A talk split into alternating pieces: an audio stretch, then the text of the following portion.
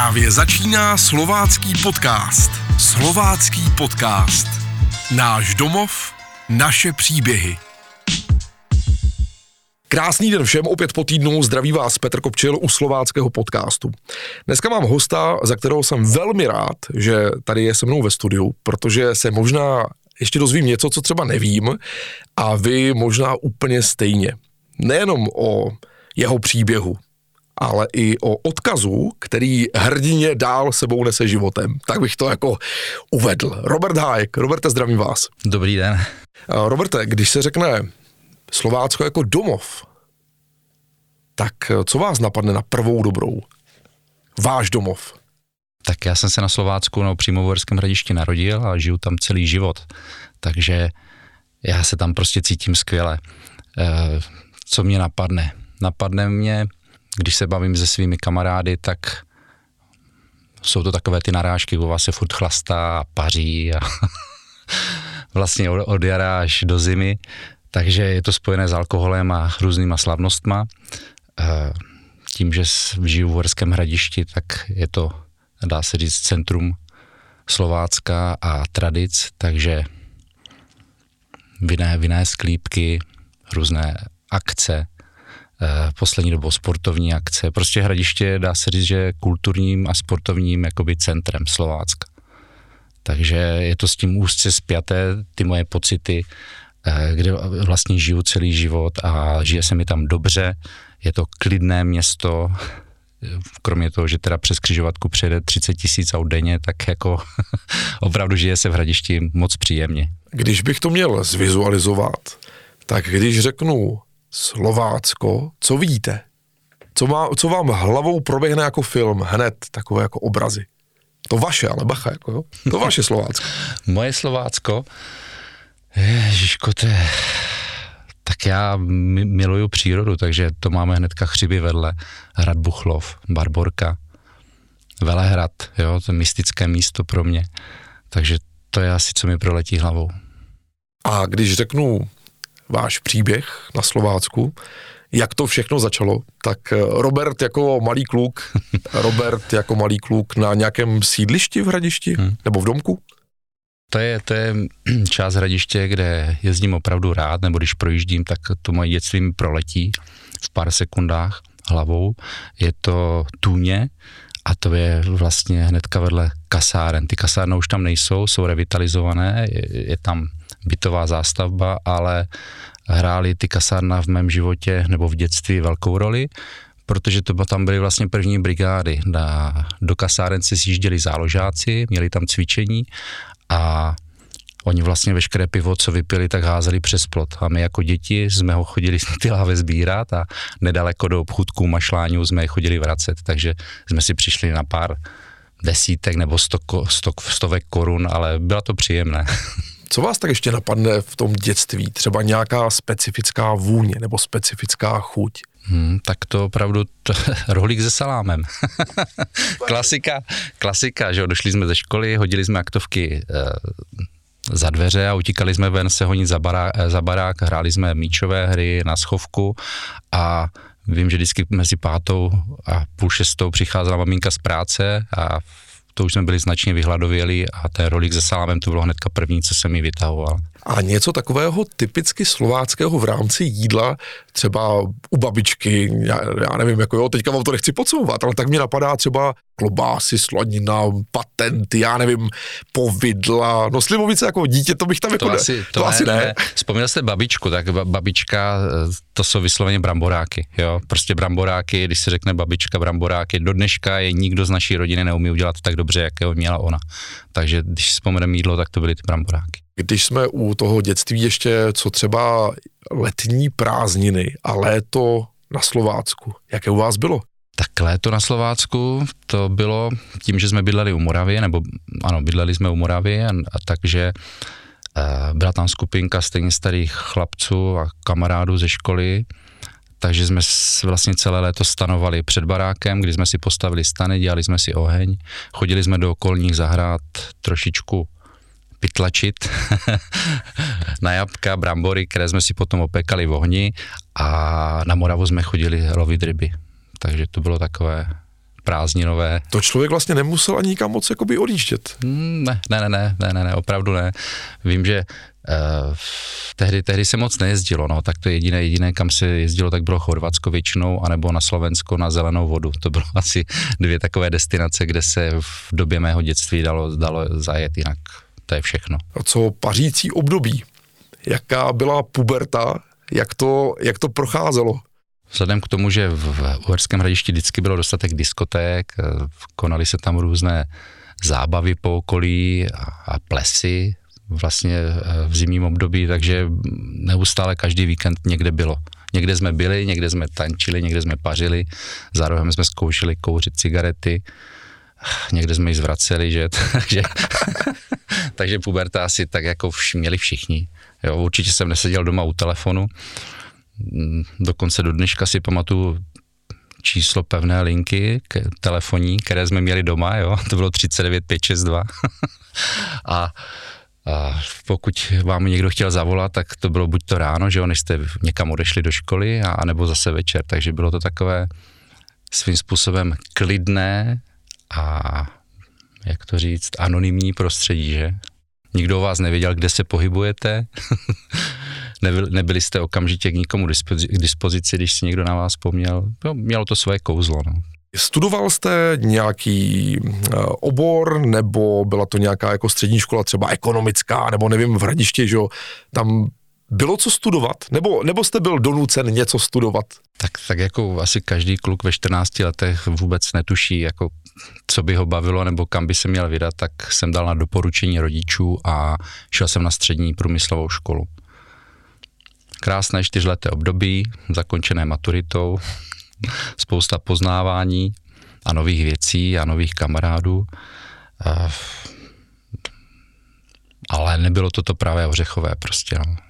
A z toho jste potom utíkal k čemu? Co bylo vaše první zaměstnání? Nebo nechci říkat zaměstnání, povolání, možná k čemu jste byl povolán? První povolání, no vlastně po škole, než jsem nastoupil na vojnu, tak jsem vstoupil do agroprojektu, kde jsem byl jakoby praktikant, kde jsem vlastně překresloval výkresy po vojně jsem se tam vrátil, ale to už bylo po revoluci, takže se všechno měnilo.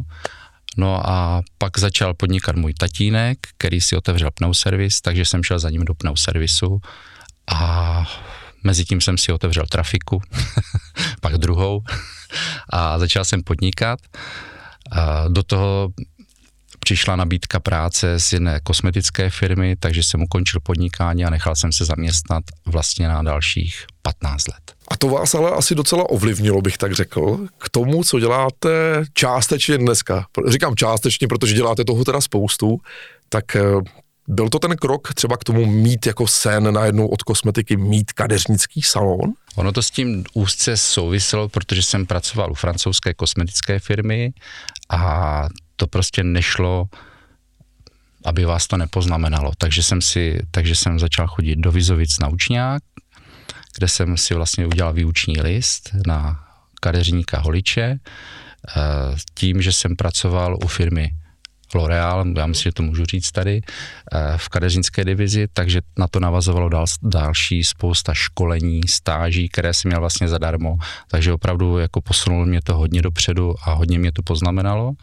A dokonce natolik, že jsem si pak začal vyrábět i svoji kosmetiku pánskou děláme ji do dneska. A když vlastně jsem ukončil jakoby to zaměstnání, jakoby na hlavní pracovní poměr, tak jsem si v roce 2013 jsem si otevřel holičství, ale opravdu jako pravé pánské, kde se holilo, dávala se 80% kolínská a upravovala se obočí chlapů, stříhali se chlupy v uších i v nose a na tu dobu to bylo opravdu revoluční, jo, protože do dneška vidím ty vyděšené pohledy chlapů, když jsem se jich zeptal, jestli můžu upravit obočí, tak pro boha ne, i když to měli jako tykadla třeba, jo. byli z toho překvapení, když jsem jim šáhl na uši, tak se úplně cukali, takže to, co dneska je úplně běžný standard ve všech holíctví nebo i v kadeřnictví, tak v té době to byl šok jako pro ty chlapy. Slovácký podcast vám přináší týdeník Dobrý den s kurýrem. Slovácký podcast. Jsou na Slovácku nebo v Hradišti chlapy vyfešákovaní, vystajlovaní, protože když třeba já dám jako příměr, se řekne Slovensko, tak eh, ženské většinou říkají, že Slovenky mají styl, ale že i chlapy se umí obléct a umí se navonět. Tak jak to je v Hradišti? To, co vidíte opravdu denně. Samozřejmě je to obrovský skok dopředu. Jo? Opravdu, když to vezmu zpátky těch deset let, kdy jsem začínal a srovnám to s tím, co se děje dneska nebo co vidím dneska kolem sebe, tak je tam obrovský skok. Jako už se dá říct, že neuvidíte, kromě bezdomovců anebo nějakých sociálních případů, chlapa, který by nebyl upravený. Jo, to už opravdu jako se vidí málo kdy taky od té doby těch holičství tady přibylo svých desítky, stovky, takže stává se to úplně běžnou záležitostí, tak jak mají dámské kadeřnictví, tak i pro ty chlapy prostě je toho už na každém rožku spousta. No a když říkáte vlastní kosmetika, takže to je, to je současnost, jo? To, je, to pořád jde. Ano, ano, ano. A jak na to ti pánové reagují, když jim řeknete, no a tady byste si ještě měl pořídit domů, abyste o sebe hezky pečoval, tady krémeček a mastičku a vodu a jasně, něco. Jasně tak eh, v první řadě chci říct, že vlastně ti chlapi se sami podíleli na eh, vývoji té kosmetiky. To znamená, že byli první takový ti testovací eh, ne panáci, nebo já nevím, jak to říct. Prostě no, jako testo... jsou kreš, kreště z damís v autech. Tak, tak. tak, přesně tak. Takže, takže když jsem s tím začínal, tak začínalo se olejčkama do vousu, tak jsem se jich vysloveně ptal, dal jsem mi třeba šest vůní a hledali jsme, co jim nejvíc bude vonět. Takže oni mi spolu, pomáhali spolu vytvářet tu kosmetiku. A to samozřejmě už potom souvisí i s tím, že si kupovali sami domů. Takže nebylo to takové, ještě potřebujete, nebo hodilo by se vám, ale když s tím pracujete na tom zákazníkovi, tak je velká pravděpodobnost, že si to i koupí domů. Tak mi napadla úplná kravina, jako jo, ale jako speciální limitovaná edice, třeba uh, voda poholení s uh, lehkým odérem švestek. Co? Já nevím, Nebo vína. Jestli, jestli jako vůbec... Na Slovácku, jako prošlo by to takový forek? Jako nápad, nápad je to dobrý, ale já myslím, že když už vám spusí voní švestky, tak není potřeba, abyste si dával ještě jako na tvář, takže... takže prostě berete to, že hradišti prostě jako ten panák jako i v tom kadeřnictví jako proběhne, jako jo, nebo v, v holictví? Uh, už, už teda ne, jo. Ten začátek eh, byl takový, nebo ta vize byla, že si tam člověk dá panák, doutník, ale najednou narazíte na to, že vám od doutníku smrdí celá oficína, ručníky, všechno ten dým natáhne a potom nějaký dobrák na mě zavolal, kontrolu z živnostenského úřadu a, a vlastně po mě chtěli povolení k prodeji alkoholu, ať jsme ho neprodávali, tak, tak jsem zjistil, že vlastně musíte mít živnost na jakoby pohostinskou činnost takže to, to byl první šok, no a tak jsem to vlastně zrušil, abych se nemusel s úřadama dotahovat, protože potom chtěli vidět, kde jsem ten alkohol vzal, jo, nemohl jste tam mít svoji vlastní slivovici, protože nebyla kolkovaná, takže byly s tím jenom nepříjemnosti, tak jsem to prostě zrušil. Tak mě napadá moje vzpomínky na Londýn, spousta kadeřnických salonů kolem cest, kolem hlavních cest a v nich spousta chlapů. Teď jste mi to úplně vrátil do hry, ten, mm. ten můj jako flashback na Londýn, ať jsem tam byl xykrát. Je to z vašeho pohledu to, co přesně říkáte, že se zlepšilo i v hradišti, když to srovnám s Londýnem, že ti chlapi jako, eh, fakt jako chodí, že pravidelně se vrací a chtějí jako tu péči od vás? Když jste vzpomněl ten Londýn, tak tam spíš, eh, když se budeme bavit o pánských jakoby ne kadeřnictví, ale barbershopech, tak to tam dělají většinou Pakistánci, Indové a tady, tady z toho východu a z Ázie, a Turci hodně, takže uh, ti chlapi samozřejmě, co tam žijou, byli na to zvyklí i z těch původních zemí, kde byli, takže to samé chtěli v Londýně, předpokládám teda. U nás je to trošku jiné, my tu tradici nemáme, je to něco nového a lidi si na to zvykají, ale nemyslím si, že vlastně to bude někdy tady, jak je v Turecku, že si ten chlap na sebe nešáhne a chodí každý týden se oholit. Myslím si, že ne. Kousínek se posuneme dál, protože vy těch aktivit máte tolik, že bychom museli tomu věnovat mnoho podcastů, ne pouze jeden jediný. A já jsem tady na začátku naznačoval, že nesete takový odkaz. A to je mi velmi sympatické, protože to je odkaz Jana Antonína Bati. Tak kdyby jsme se tady u toho měli zastavit, a říkám, že to je téma na mnoho podcastů, hmm. Jak vás to pro Bůh napadlo, že to vezmete do ruky a řeknete, no, když se o to nikdo nechce starat, budu to já. Tak žádné probůh mě nenapadlo. Eh, vrazil jsem do toho jako do čelem. Eh, prostě jsme jednoho dne uznali s manželkou, že je potřeba se posunout do většího bydlení a chodili jsme kolem Moravy, kolem jednoho domečku cihlového, kde o několik měsíců byl velký plagát nebo velký billboard na prodej. A fakt to tam bylo několik, jestli ne půl roku třeba, jo, tak jsme si řekli jenom pojďme se tam podívat, však jako nic to stát nebude, snad se na nás realitní kancelář zlobit nebude, když jako zjistí, že to ne, nemáme o to zájem. No a tak jsme šli na prohlídku a prostě nás to úplně dostalo.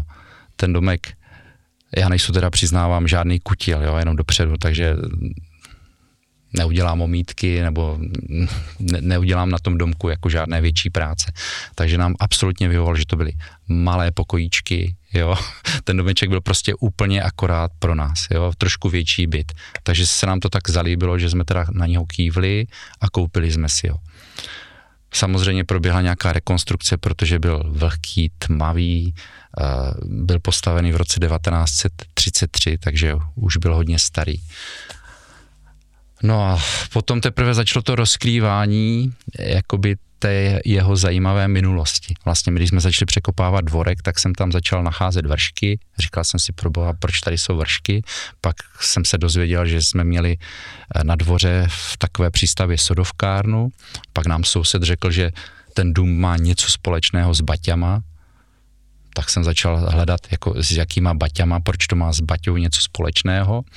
Uh, teď se tomu musím smát, protože byl to rok 2007 a já když jsem vlastně do Google v roce 2007 zadal dům číslo popisné, dva rybárny, tak mi nevyskočilo vůbec nic.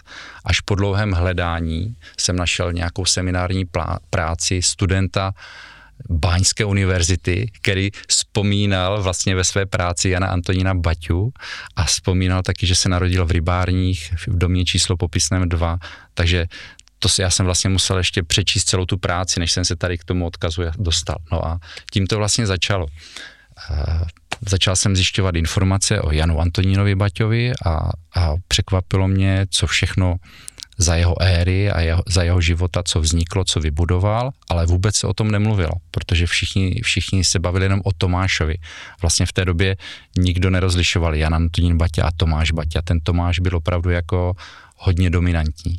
No a tak jsem si říkal, že by bylo dobré na to Jana Antonína upozornit. Zašel jsem na radnici v Horském hradišti s nápadem, že bychom mu mohli dát pamětní desku na ten dům.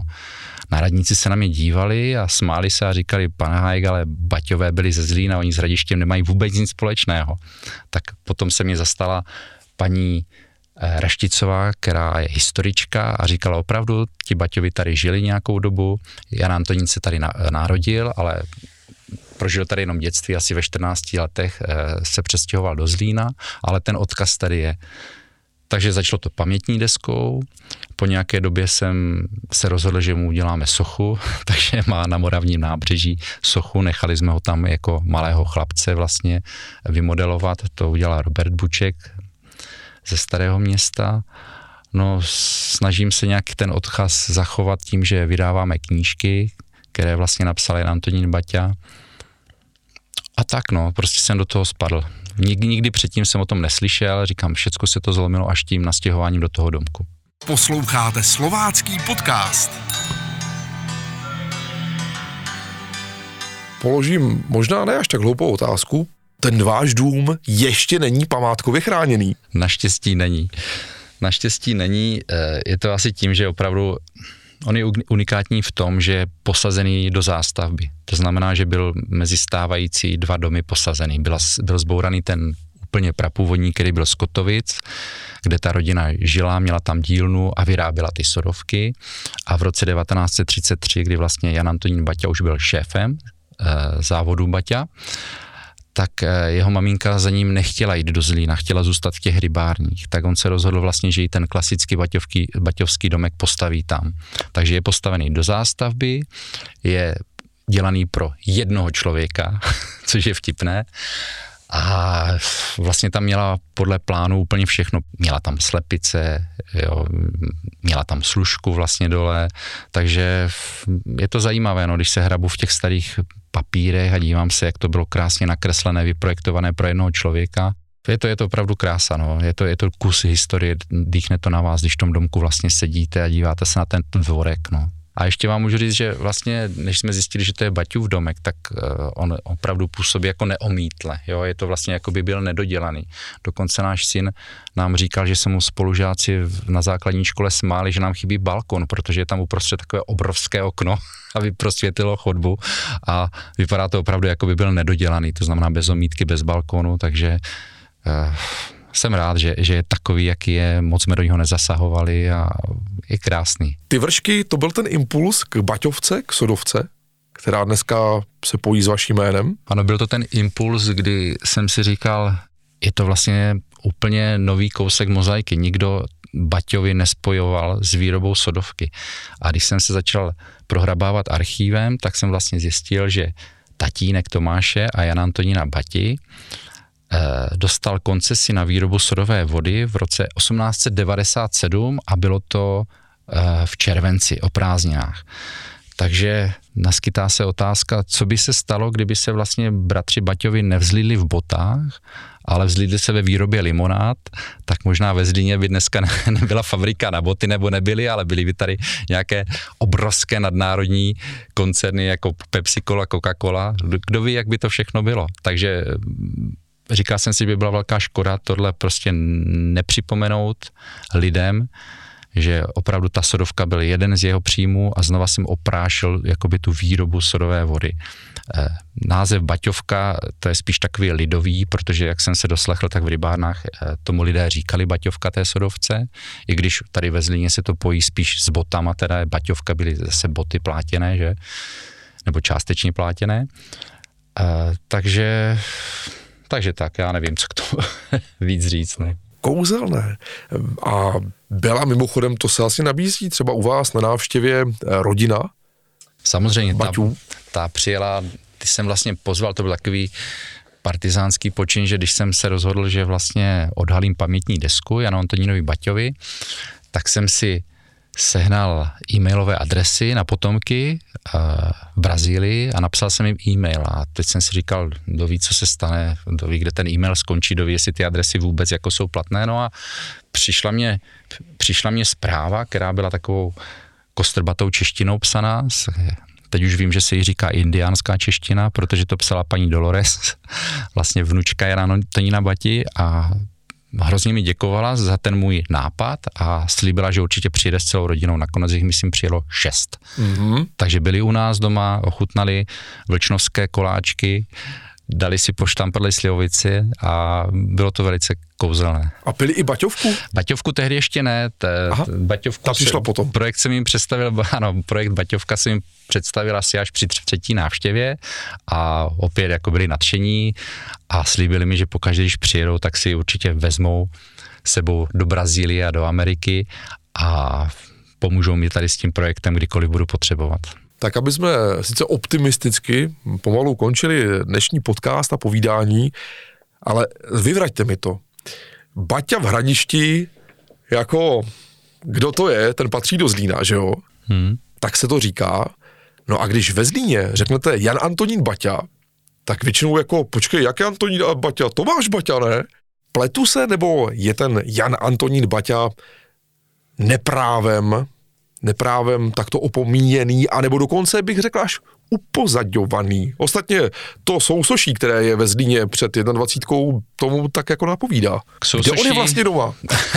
v Hradišti není doma, ve Zlíně není doma. Řekněme, že to započalo v Hradišti a přesunulo se to všechno do Zlína a do celého světa. Eh, je velká škoda, že přišla druhá světová válka, protože dovedu si představit, že by se Zlín stal hlavním městem tehdejšího Československa, protože když se vezmete, eh, kde je umístěný, tak si to o to úplně říká, jo? je to ve středu vlastně. Je to ve středu a tehdy to bylo moderní město, krásně se rozvíjející, prostě byl tady ten, ta energie, ta budovatelská, takže dovedu si tohle představit. Takže Baťa začal v Hradišti, skončil ve Zlíně. Eh, Jan Antonín Baťa konkrétně, myslím si, že ty jeho činy byly donedávna ještě trošku bagatelizované, uposadněné, ale to je věc historiků, aby, aby dávali informace, pravdivé informace o tom, co vzniklo za Jana Antonína Bati a jak to byl významný člověk. Eh, často slyším nebo vidím, že ho poměřují s Tomášem Baťou, ale já si myslím, že to je úplný nesmysl. Prostě Tomáš byl Tomáš, to byl zakladatel, geniální podnikatel.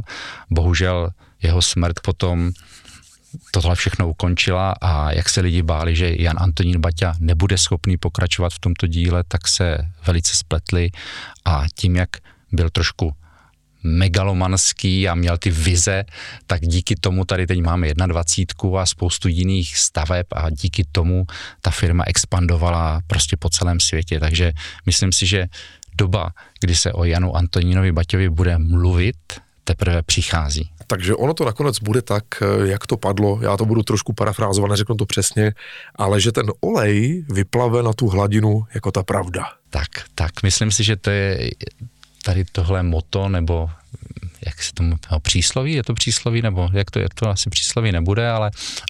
Myšlenka. Je to, a tak, je to myšlenka, kterou eh, podle potomků eh, Jana Antonína Bati eh, vlastně jejich dědeček řekl těsně před smrtí, kdy ležel v nemocnici vlastně už po pátém infarktu a eh, venku se začínal rozednívat a to byly jeho poslední slova před smrtí vlastně, které řekl.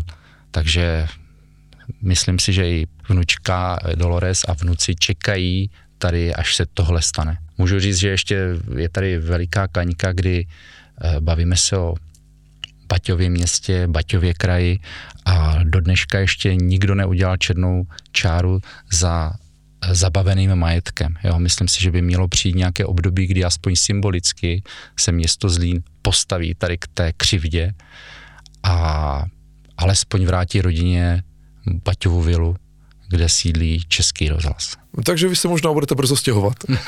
to asi ne, to asi ne. Ta, ta vila je v hrozném stavu a, a myslím si, že něco takového vlastnit eh, by bylo dobré, kdyby to vlastnilo třeba město nebo nějaká státní instituce, která na to umí sehnat peníze, eh, dotace, a, ale dovedu si představit, že by tam vzniklo krásné jako muzeum Jana Antonína Bati, kde by opravdu ty všechny jeho Mm, dopisy a zprávy a artefakty soukromé, takže by se z Brazílie přepravili sem do Zlína vlastně a vzniklo by opravdu jako důstojné místo, kde by ti lidi se o něm dozvěděli všechno potřebné.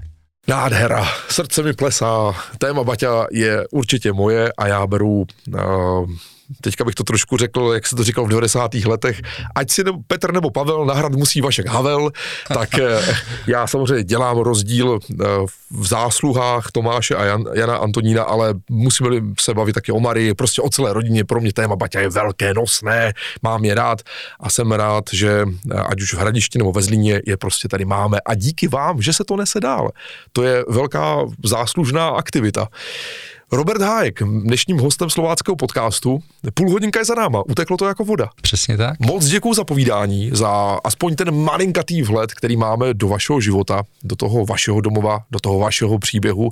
Je to moc zajímavé, tak eh, třeba se na toto téma ještě někdy potkáme. Ať se vám daří a doufám, že i ten další host, který přijde k nám, otevře svoje srdce a řekne, jaký je ten jeho domov. Děkuji za pozvání.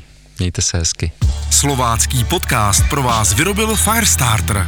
Firestarter, specialista na kreativní digitální obsah. Slovácký podcast. Náš domov, naše příběhy.